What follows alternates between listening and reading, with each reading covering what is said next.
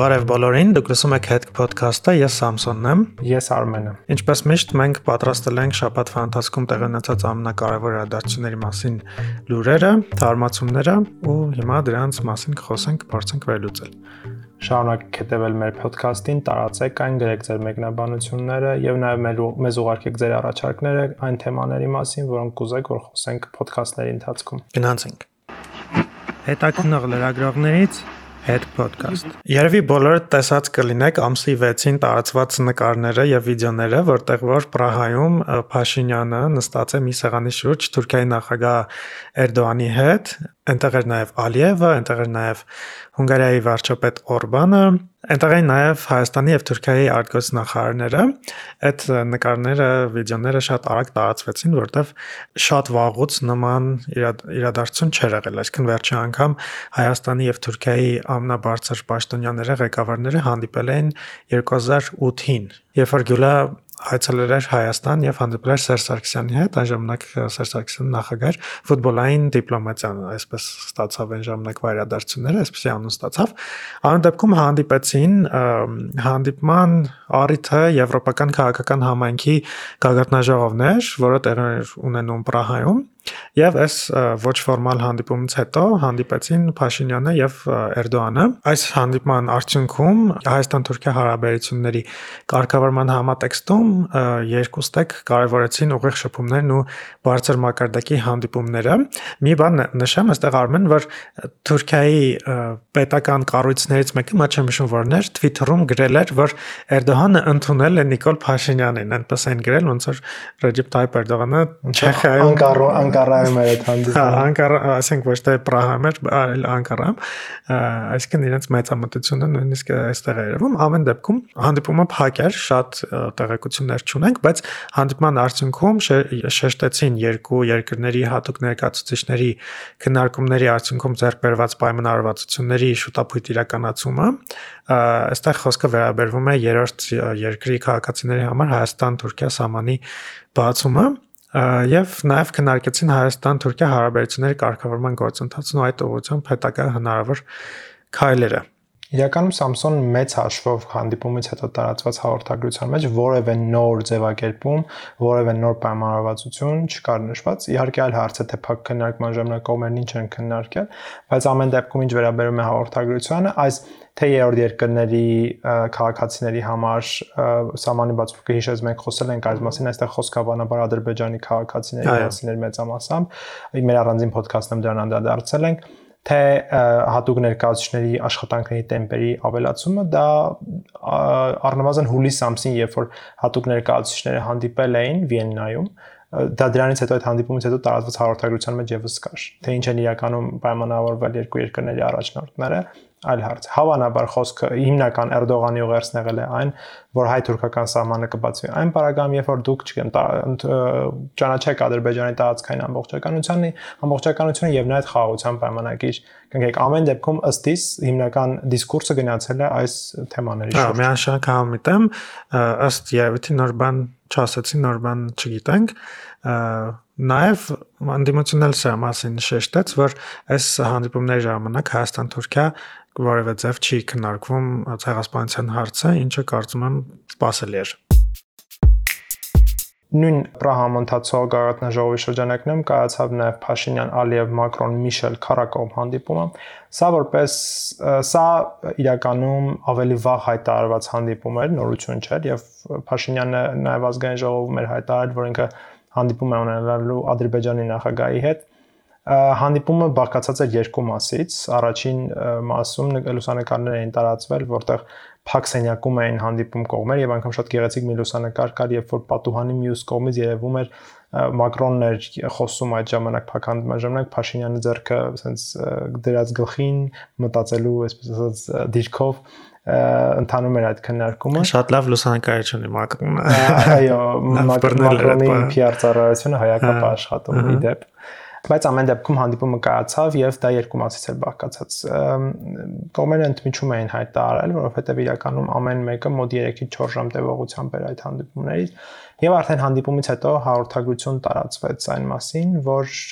Հայաստանը եւ Ադրբեջանը ճանաչում են միմյանց տարածքային ամբողջականությունը հիմնվելով ՄԱԿ-ի կանոնադրության եւ Ալմա-Աթայի հռչակագրի վրա Սա ինչ է նշանակում, որ երկու երկրները փոխադարձաբար իրենք ճանաչում են տարածքային ամբողջականություն եւ ինքնիշխանությունը, որևէ խոսք, որևէ նախադասություն չկար Արցախի մասին, կողմից եւ որևէ մեկը իր հայտարարություններում Լեռնային Ղարաբաղ Արցախ տերմինները չէր գործածել եւ շատ անհասկանալի է թե արդյոք տարածքային ամբողջականություն ասելով ճանաչում ենք Արցախը Ադրբեջանի կազմում, թե ոչ, դրա մասին որևէ կողմ քննարկում չի գնում։ Նաև հայտարարության մեջ նշված էր, որ Փաշինյանը կոչ արել որպեսզի ադրբեջանական կողմը հետ վերադառնա ելման դիրքեր, որովհետև գիտեք արդեն մի քանի ամիս է ադրբեջանական զորքերը գտնվում են Հայաստանի Հանրապետության սուվերեն տարածքում բայց գլխավոր, այսպես ասած, ձեռքբերումը, չգիտեմ, դա ձեռքբերում կարելի է անվանել թե ոչ, դա միջազգային առաքելության դիտորդական առաքելության գործուղումն է տարածաշրջան եւ པարզ է դառնում հայտարարությունից, որ այդ դիտորդական առաքելությունը ինքը գործելու է միայն Հայաստանի Հանրապետության տարածքում դա սահմանին է տեղակայվելու, երկու ամիս ժամկետով է գործելու եւ ինչպես շատ հետաքրքիր այսպիսի ձևակերպում կար արտաքին գործերի նախարարության Հայաստանի հայտարարության մեջ, որ Ադրբեջանը կհամագործակցի այդ առաքելության հետ այնքանով, որքանով այն կառնչվի իրեն։ Սա նշանակում է, որ այդ առաքելությունը բացառապես Հայաստանի Հանրապետության տարածքում է գործելու, ենթադրաբար Ադրբեջանը մերժել է, որ այդ առաքելությունը գա իր տարածք եւ ստացվում է, որ այս դիտորդները իրենք տեղում ծանոթանալու են իրավիճակի, ինչ որ զեկույցներ են կազմելու, ուղարկելու են եվրոպացի պաշտոնյաներին եւ փաստացի դրանով իրականում գործը ավարտվելու։ Սա քաղաքացիական առաքելություն է, ռազմական առաքելություն ամենևին չէ։ Բացի այդ անհայտ է թե ինչ պաշտոնյաներ են ներգրավելու եւ որն է հիմնական առաքելությունը դառնել։ Սա ուղղակի այս ենթադրությունների դաշտից է, որ իրանք զեկույցներ են պատրաստելու, բայց թե որն է լինելու գլխավոր առաքելություն, միջև հիմա չի բարձում։ Դա ուղարկվելու է մինչև հոկտեմբերի վերջ եւ հավանաբար մինչև արդեն տարվա վերջ կվերադառնա Հայաստանից։ Ես երբ որ տեսա սա մասին լուրը, մտածեցի միգուցե սա անելու են ԵՀԿ Մինսկի խմբի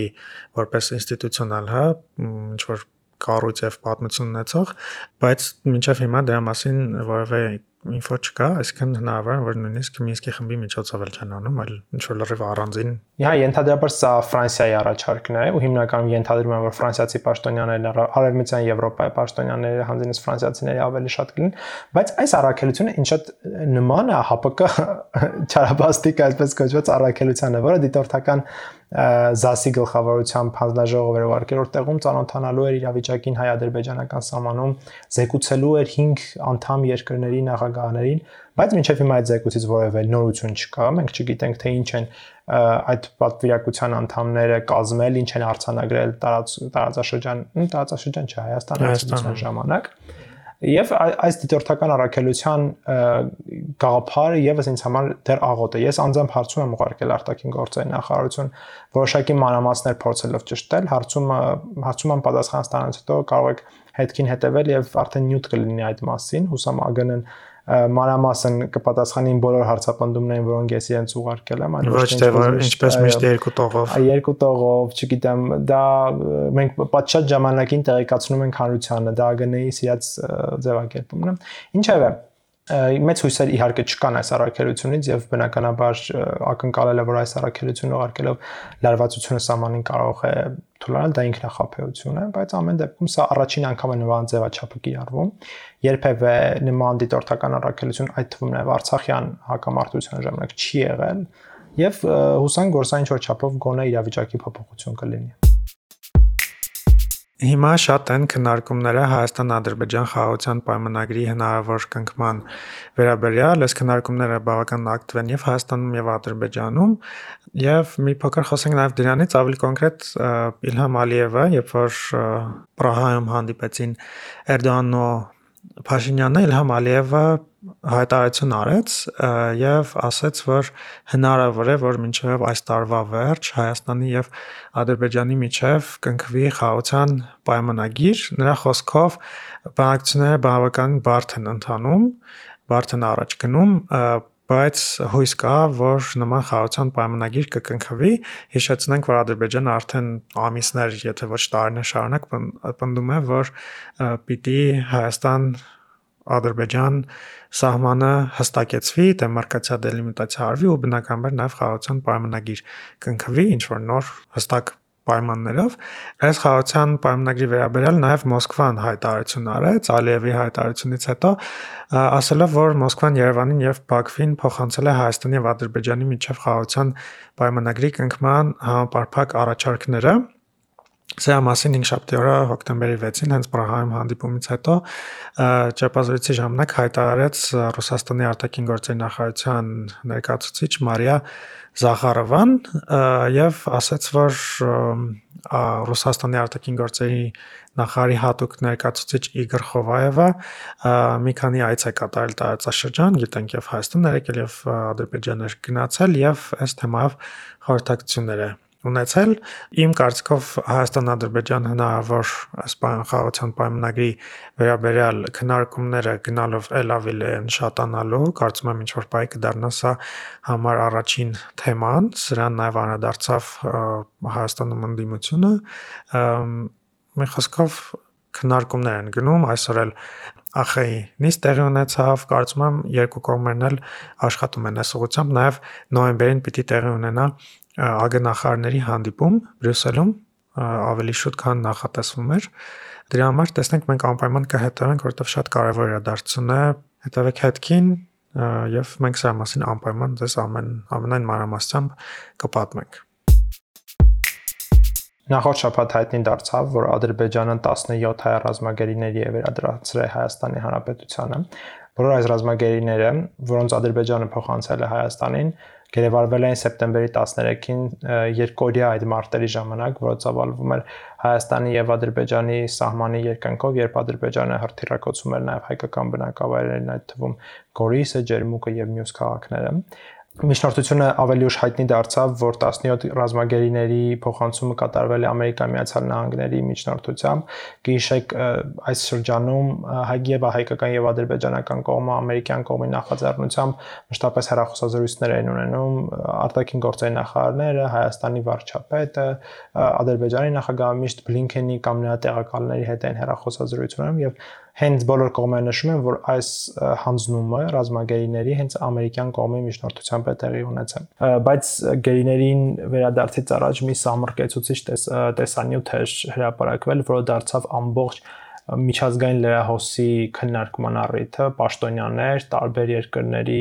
գրառումներ էին անում քննադատում էին ադրբեջանական կողմից տեսանյութում երևում էր թե ինչպես են ադրբեջանցի զինվորականները սեպտեմբերյան այդ մարտերի ժամանակ բառացի գնդակահարում հայ ռազմագերիներին ես շատ տեսանյութեր էի տեսել բայց նման տեսանյութ առաջին անգամ եմ տեսնում եւ ուղղակի այն անմարտկայնությունը, որը կար այդտեղ, դա բացատրել ուղղակի չի կարելի։ Ես չեմ էլ նայել, չեմ էլ նույնիսկ փորձել նայել, որովհետև սոցիալական մեդիաներում տարածում էին, Twitter-ում էլ շատ էին գցում, բայց ինձ հենց տեսնում էի, արագ թերթում էի, որ հանկարծ չտեսնեմ, որովհետև շատ տրավմատիկ կադրեր են։ Դա ահավոր է Եղիշե Կիրակոսյանով միջազգային իրավական հարցերով ՀՀ պաշտոնական ներկայացուցիչն է եւ իր գրասենյակը հայտարարեցին, որ այդ տեսանյութը եւ մնացած ապացույցներն իրենք ներկայացրել են միջազգային իրավականացաններին Ադրբեջանի դեմ հերթական գործը հարուցելու համար Ադրբեջան Միեդը պարտավորեցրել է Ադրբեջանին, որ เป զի նա տվյալներ փոխանցի, թե արդյոք այ արդյոք Ադրբեջանը գործընթաց է սկսել այն, ես չեմ վարանի այդ բառը օգտագործել ոչրագործների նկատմամբ, որոնք ձեռնարկել են այդ գործողությունները։ Ադրբեջանական կողմը դեռևս չի արձագանքել Միեդի որևէ պատասխան չի տվել։ Մարդու իրավունքների պաշտպանը, երբ որ գեյների վերադարձը տեղի ունեցել, դրանից մի քանի օր անց մարդու իրավունքների պաշտպանը ասուլիսը հրավիրում եւ ներկայացնում այն փաստահավաք տվյալները, որոնք իրականացվել էին այդ ռազմագերիների հետ խոսակցություններից հետո Պարզվել էր, որ հայ ռազմագերիների նկատմամբ բավականին ոչ մարդկային վերաբերմունք են ցուցաբերել ոչ միայն զինվորականները, այլև օրինակ նաև բժիշկները։ Երբ որ առանց ցավազրկման, ցավազրկողներ ներարկելու բաց վիրահատություններ են արել, վերքեր են կարել առանց որևէ Տանջել են, հա։ Բժիշկները տանջել են ռազմագերիները իրենց ընդհանրում եւ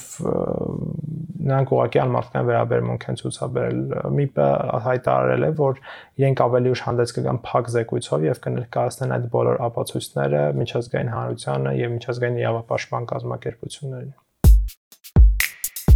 Հիմա մի քիչ տեղափոխվենք ներքին զարգացումների մասին խոսենք, հենց Հայաստան ներսում մենք ունենք ԲԴԽ-ի նոր նախագահ Կարեն Անդրեսյանը, որը արտադրության նախարար էր, մի քանի օր առաջ հրաժարական հրաժարականի դիմում ներկայացրեց եւ այդ հրաժարականի դիմումի մեջ չկար որևէ հստակ բացատրություն, թե ինչ է նա հրաժարական տվել։ Հետո պարզվեց, որ ազգային ժողովի արտահայտ նիստում քննարկվել է ԲԴԽ նոր նախագահի նշանակման հարցը, այսինքն փակ քվեարկություն պիտի տեղի ունենար, որը տեղի ունեցավ եւ 67 падգամավոր փակ քրարկության արդյունքում ընտրեցին ԲԴԽ նոր նախագահ, որը ինչպես հասկացաք արդեն Կարեն Անդրեասյանն է, եւ մեկ ԲԴԽ-ի անդամ, որը արտադատության նախարարի տեղակալ Երանուի Թումանյանցն էր։ Երկուսի տեխնատություններ առաջադրել էին քաղաքացիական պայմանագիր խմբակցությունից եւ Հենց խմբակցությունն էլ 67 պատգամավորով ընտրեց, նշենք, որ ընդդիմությունը չէր մասնակցում նիստին, Կարեն Անդրեասյանը իր ելույթի ժամանակ անդադ ամենաշատ ասված բառը արդարություն բառն էր, մի քանի անգամ նշած տարբեր կոնտեքստներում, եւ այդքան շատ էլ քննարկումներ չեղան ազգային ժողովում, ընդամենը մի քանի բովանդակային հարցեր տվեցին եւ Կարեն Անդրեասյանին եւ Երանուի Թումանյանցին եւ Արագի մեջ, այսպես կարելի ասել, ընտրեցին եւ Այո, մենք ունենք ԲԴԽ նոր նախագահ։ Հիշեցնենք, որ ԲԴԽ նախագահ նախկին նախագահ Ռուբեն Վարդազարյանի լիազորությունները 2021 թվականի ապրիլի 15-ին կասեցվել էին Իսկ այս տարվա հունիսի 23-ին ԲԴԽ-ն դադարեցրեց նրան լիազորությունները եւ 2021 թվականի ապրիլից որպես տարիքով ավակ օրենքի ուժով ԲԴԽ նախագահի պաշտոնակատար էր դարձել Գագիկ Ջահանգիրյանը, հետո հրապարակվեց այդ հայտնի ցայնագությունը, որի մասին որ մենք պատմել ենք, մանրամասն կարող եք մեր նախորդ էպիզոդներում լսել այս ամբողջ պատմությունը եւ Գագիկ Ջահանգիրյանը հետո հրաժարական տվեց եւ այս տարվա հուլիսի մեկից մենք ԲԴԽ նախագահի ժամանակավոր պաշտոնակատար ունենք. Ընդհանրապես Սերգեյ Չիչյաններ եւ օրերսել ընտրվեց նոր նախագահ։ Շատերը նաեւ քաղաքասարության մեջ քննարկում էին, որ Կանարեն Անդրեասյանը գնում է ԿՊ-ի կողմից ԲԴԽ նախագահ է դառնում, ԲԴԽ-ն ԿՊ-ին լիարժեք եւ վերջնական ենթարկելու միսիա ունի, հա, այսպես էին ասում շատերը, եւ Անդրեասյանն էլ իր ելույթում ասաց, որ ԲԴԽ-ում կան մի քանի լավ դատավորներ, որոնք որ ձայն ունեն եւ իրենց ձայները սպասում են նոր ավելի լավ ձայների ձայներին, այսինքն քվեարկության այնտեղ հարցեր որ լինում են ըստ երևույթի ԿՊ-ի շահերը պիտի Կարեն Անդրեսյանը ներկայացնի։ Տեսնենք, մենք հետքում միշտ լուսաբանում ենք դատական process-ները եւ եթե ինչ որ նման դեպքեր լինում են, անպայման գրում ենք դրա մասին։ Ինչպես ասում են ԿՊ-ն փորձում է նվաճել ոչ միայն ԲԴԽ-ն, ավելի շուտ արդենից նվաճել է, այլ նաև նվաճում է եւ նվաճել է նաև կենտրոնական ընտրական հանձնաժողովը։ Այս նստաշրջանի ընթացքում Ազգային ժողովը ոչ միայն ընտրում է բարձրագույն դատական խորհրդի նոր անդամներին, այլև կենտրոնական դատական հանձնաժողովի նախագահին եւ մյուս անդամներին եւ ազգային ժողովը 65 կողմ ձայնով եւ որևէ դեմ կամ ձեռնպատ ձայներով կենտրոնական դրական հանձնաժողովի նախագահի պաշտոն ընտրեց ԿՊԱ-կան նախկին պատգամավոր արդեն Վահագն Հավակիմյանին, որը երկար տարիներ եղել է նաեւ քաղաքացիական պայմանագիր կուսակցության վարչության անդամ։ և, Մինչ այս падգամավոր Վահագն Հավակիմյանը զբաղեցնում էր պետաիրավական հարցերի մշտական հանձնաժողովի նախագահի տեղակալի պաշտոնը։ Երկար տարիներ նաև Վահագն Հավակիմյանը զբաղվել է լրագրությամբ, աշխատելով հայկական ժամանակ օրաթերթում եւ ժողովուրդ օրաթերթում, ժողովրդում նա նաև փոխանցագին է եղել։ և Վագն Հովակիմյանի ընտրության նիստի ժամանակ չի մասնակցել ընդդիմադիր որևէ խմբակցություն, թե այնպես ընդդիմություն, ինչպես գիտեք, այս նստաշրջանի ընթացքում բոյկոտում է ազգային ժողովի նիստեր եւ բոլոր հարցերը ԿՊ-ն ձայների մեծամասնությամբ շատ հեշտ ու հանգիստ ընդունում է եւ Ես այստեղ հիմնականում մեղադրում եմ միայն ընդդիմությանը, որովհետև իշխանությունն օգտվում է իր հիմնական լծակներից, ունի թիվ, ապահովում է իր ընտրությունը եւ դա է հենց պատճառը, որ Վահագն Հավակիմյանը շատ հեշտ ու հանգիստ ընտրվեց։ Բայց այստեղ գլխավոր խնդիրը կանում է նրանում, որ այսքան տարիներ ի վեր առաջին անգամ կենտրոնական ընտրական հանձնաժողովի նախագահ է ընտրվում մարդ, ով ունի կուսակցական պատկենելիություն, ամենայն դեպս մինչև այժմ ես չեմ հանդիպել որևէ Տեղ անգամ մեր ոդքասթի ձայնագրումից առաջ նաև Google արեցի, փորձելով հասկանալ թե արդյոք Վագն Հովակիմյանը դուրս է եկել քաղաքացիական պայմանագիր կուսակցությունից թե ոչ, բանից պարզվում է դեռևս նման որևէ հրապարակում կամ նման որևէ հայտարարություն չկա։ Հետևաբար մենք ունենք կենտրոնական դրական հանձնաժողովի նախագահ, ով պատասխանատու է երկրում ընտրությունների կազմակերպման, դրանց բնական ընթացքի համար առաջին անգամ անձը, ով ունի քաղաքական եւ կուսակցական պատկանելիություն։ Սա իհարկե ժողովրդավարության տեսանկյունից շատ լուրջ հարցեր է առաջացնում, որովհետև միշտ դժվար է ծառամպահ մնալ այնպիսի որոշումների կայացումից, որը բնականաբար չի քո սեփական կուսակցության շահերից չի բխում։ Նաև հաշվի առնելով իր կուսակցական ընկերությունը հարաբերությունները եւ ԱԺ-ի խմբակցության անդամների հետ եւ վերջի վերջո ԿՊ-ի վարչության անդամ է, այսինքն այստեղ արդեն որևէ կասկած չի կարող։ Եվ իր քաղաքական հայտարարությունները շատ ինքը աչքեր ընկնում միշտ հակա ընդդիմադիր իհարկե իշխանական ժամանակաշրջանում եւ երբեմն նաեւ շատ հակասական հայտարարությունները, որոնք իրավաբանների միշտ քննարկման առարկա դառնում։ Բարբերականներից մեկը հայկական գրել էր, որ Վահագն Հովակիմյանը չի համապատասխանում ԿՀ նախագահային ներկայացող պահանջներին, որովհետև խնդիրներ կային թե նրա կրթական բեքգրաունդի, թե նրա աշխատանքային փորձի հետ բավարար չէր Վահագն Հովակիմյանի մասնագիտական աշխատանքային փորձը, որպեսզի նա զբաղեցներ կենտրոնական ընտրական հանձնաժողովի նախագահի պաշտոն, բայց ինչպես գիտենք, ում ձեռքը իշխանությունը լնել որոշում է թե ինչ պետք է լինել, Եվ ըստ այդմ Վագեն Հավակիմյանը ընտրվեց ձայների 100% ապահովմամբ կենտրոնական դական հանձնաժողովի նախագահ։ Հա, կարող ենք ասել, որ ԿՀՆ-ն քաղաքականացվեց վերջնականապես։ Նաև մի բան նոր մտքիս եկավ, կարելի է նայել մյուս անդամները ովքեր են ու արդյոք ունեն քաղաքացի, արդյոք ունեն որևէ կուսակցական անցյալ կամ պատկանելություն, միգուցե նաև ինչ որ կապեր Ես երկու անդամին դեմքով գիտեի, մեկը քարտուղարն էր, Սմբատյանը, իրենք վերընտրվել են այդ պաշտոնում, չեմ հիշում իրենց մասով քաղաքական որբան, բայց շատ հետաքրքիր, դեպ հետաքրքիր հոդվածի գաղափարը Սամսոն կարելի ուսումնասիրել եւ հասկանալ նաեւ news նորընտիր անդամների ընդհանրապես background-ը ինչպեսին է։ Այո, կուսակցական ինչ։ Հիշեցնենք միայն թե ինչու Վագն Հովակիմյան ընտրվեց, որովհետեւ լրացել էր նախկին նախագահ Տիգրան Մուկուչյանի պաշտոնավարման ժամկետը։ Մուկուչյանի հետ եւս այդ կապված բազմիցս հարցեր են առաջացել նրա անաչառության, անգամ անեկդոտներ կան դրա մասին, բայց ամեն դեպքում փաստը մեկն է, որ մենք այս պահին ունենք ԿՀ կուսակցական նախագահ։ Նաև մի փոքր խոսենք Ուկրաինայից, Ուկրաինա-Ռուսաստան պատերազմից, որովհետև այս վերջի մի շաբաթվա ընթացքում բավականին ակտիվ էր ու շատ իրադարձություններ տեղի ունեցան, շատ կարևոր բաներ տեղի ունեցան, որոնց ամնա հիշարժանը էր, որ Ղրիմի կամուրջը մասնակի փլուզվեց, պայթեց պայթյունի հետևանքով եւ այդ կադրերը շատ տարածվեցին միգուցե դուք էլ եք տեսել թե ոնց է Ղրիմի կամուրջը պայթում ամբողջությամբ չի փլուզվում բայց մի մասը լրիվ փլուզվում է եւ ավտոմոբիլային։ Հա, ավտոմոբիլային այդ անցնող մասը փլուզվում է Սրանց հետո Մոսկվան արագ շատ հայտարարեց, որ սա Ուկրաինայի կողմից արված terroristական ակտ է եւ այսպես սկսեց բնութագրել հա Ուկրաինայի գործողությունները սրա վերաբերյալ եւ նաեւ բարձել են թե այն մեքենան, որը որ գնացել էր եւ անցնում էր բանով կամրջի վրա, որտեղից է եկել, ռուսական կողմը շատ արագ դա բարձեց, հայտարարեցին, որ այսպես մի քանի երկրների միջով անցնելով դրա մեջ էր նաեւ Հայաստանը, Վրաստանը հասել է Ղրիմ եւ այնտեղ արդեն պայթեցվել է։ Այս մասով մի բան նշեմ, որ Ռուսաստանը կարծես թե իր հրետորաբանությունը մի քիչ փոխել է, որտեղ եթե նախկինում խոսում էին Ուկրաինայում ինչ որ տարբեր լաբորատորիաների մասին, հիմա սկսեցին դա վերաձևակերպել ներկայացնել որպես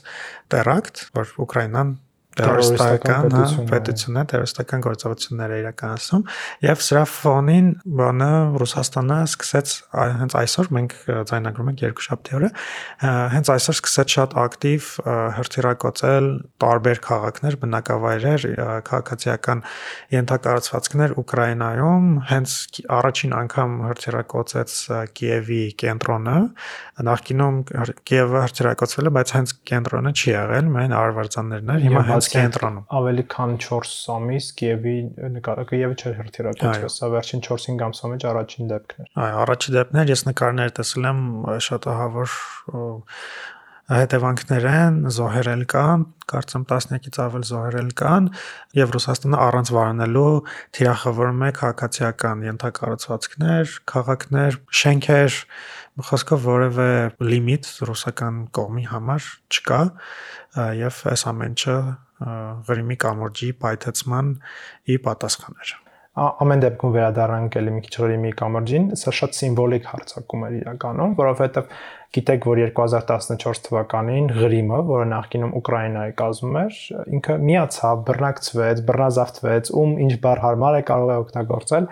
ամեն դեպքում անցավ Ռուսաստանի կազմը եւ Պուտինի գրանձիոզ գաղափարներից մեկն էր Կրասնոդարի երկրամասը ցամաքային տարածք բուն մայրցամաքային տարածքը միացնել նաև Ղրիմի թերակղզուն եւ շատ մի հատ մեծ պրոյեկտ սկսեց Ռուսաստանը կառուցելով Ղրիմի կամուրջը Ղրիմի կամուրջը ինքը սիմվոլիկ նշանակություն ուներ, որովհետև ուկրաինացիների կողմից այն դիտարկվում էր որպես Ղրիմի բռնազավթման հիմնական սիմվոլներից մեկը։ Այստեղ մի բան էլ է շատ հետաքրքիր, Պուտինը եւ մյուս ռուսաստանցի պաշտոնյաները մշտապես հայտարարում են, որ Ղրիմի կամուրջն անխոցելի է, որովհետեւ անընդհատ տարբեր նավակներ, տարբեր ինքնաթիռներ, ուղաթիռներ, անգամ վարժեցրած դելֆիններ էին հսկում Ղրիմի կամրջի անվտանգությունը եւ ստացվում է, որ այո, իրոք վարժեցած դելֆինների մասին նշվում էր եւ ստացվում է որ մի բեռնատար, որն անցել է այդքան երկրների տարածքներով եւ որևէ երկրում այդ պայթուցիկը չի հայտնաբերվել, հետեւաբար պայթուցիկը Ռուսաստանի տարածքում է ամեն դեպքում ամրացվել այդ բեռնատարին, ինքը ուղղակի շատ հեշտ ու հանգից անցնում է նաեւ այդ հակը հսկի ճանցրագրային կետը, որը կա կամրջի մուտքի եւ ելքի հատվածներում եւ պայթում է։ Ինչի այդքան ուժեղ պայթյունն եղավ, որովհետեւ Բեռնատարը պայթել էր այն հատվածում, որտեղ այդ պահին անցնում էր նաեւ Բեռնատար գնացքը, որը վառելիք էր տեղափոխում եւ այդ ցիստերները պայթել էին եւ շատ մեծ կրակ էր առաջացել ու դա եւս շատ վնասել էր այդ ենթակառուցվածքին։ Նաև մի բան հիշեցի, որ 2010 թվականին Ռուսաստանում հայազգի ռոպագանդիստներ, հա, չվախենանք ինձ էլ ասենք Տիգրան Քյոսայանի ու Մարգարիտա Սիմոնյանի համատեղ պրոյեկտի ֆիլմի Крымский мост сделано с любовью վերնագրով ֆիլմը հրապարակվեց ու այս ֆիլմն էլ որպես ռուսական ռոպագանդայի շատ վառ օրինակ այսքան սիմվոլիկ առումով ինչքան կարևոր է Ռուսաստանի համար էս Կրիմսկի մոստը։ Իդեպ շատ հետաքրքիր հետաքննություն կա այդ ֆիլմի հետ կապված, խորհուրդ ենք տալիս անպայման կարդալ Նավալնիի թիմն է արել։ Ինչքան փող են չգրկել։ Ինչքան փող են իրենք լվացել այդ ֆիլմով, դա մի հատ ուրիշ պատմություն է։ Կարծեմ պարազիտ է ոնց որ այդպես է անունը։ Այո, այդպես է կոչվում։ Ահա Այս շաբաթվա համար թերևս այսքանը։ Շնորհակալություն, որ շարունակում եք լսել Head Podcast-ը։ Կարող եք միանալ մեր Facebook-յան խմբին, հայտար կամ լատինատար որոնելով Head Podcast։ Նաև խնդրում ենք տարածել, ձեր ընկերներին ասել, մանավանդ նրանց, ովքեր որ չեն ուզում կամ չեն հասցնում շաբաթվա ընթացքում հետևելու են, բայց ուզում են տեղեկ լինել կարևոր իրադարձություններին։ Շնորհակալ ենք, որ այս վերջին կես ժամը մեզ հետ եք, հետևեք Head Podcast-ին։ Մենք մաղթում ենք ձեզ հաճելի աշխատանքային շաբաթ, կհանդիպենք արդեն հաջորդ շաբաթ։ Հաջորդ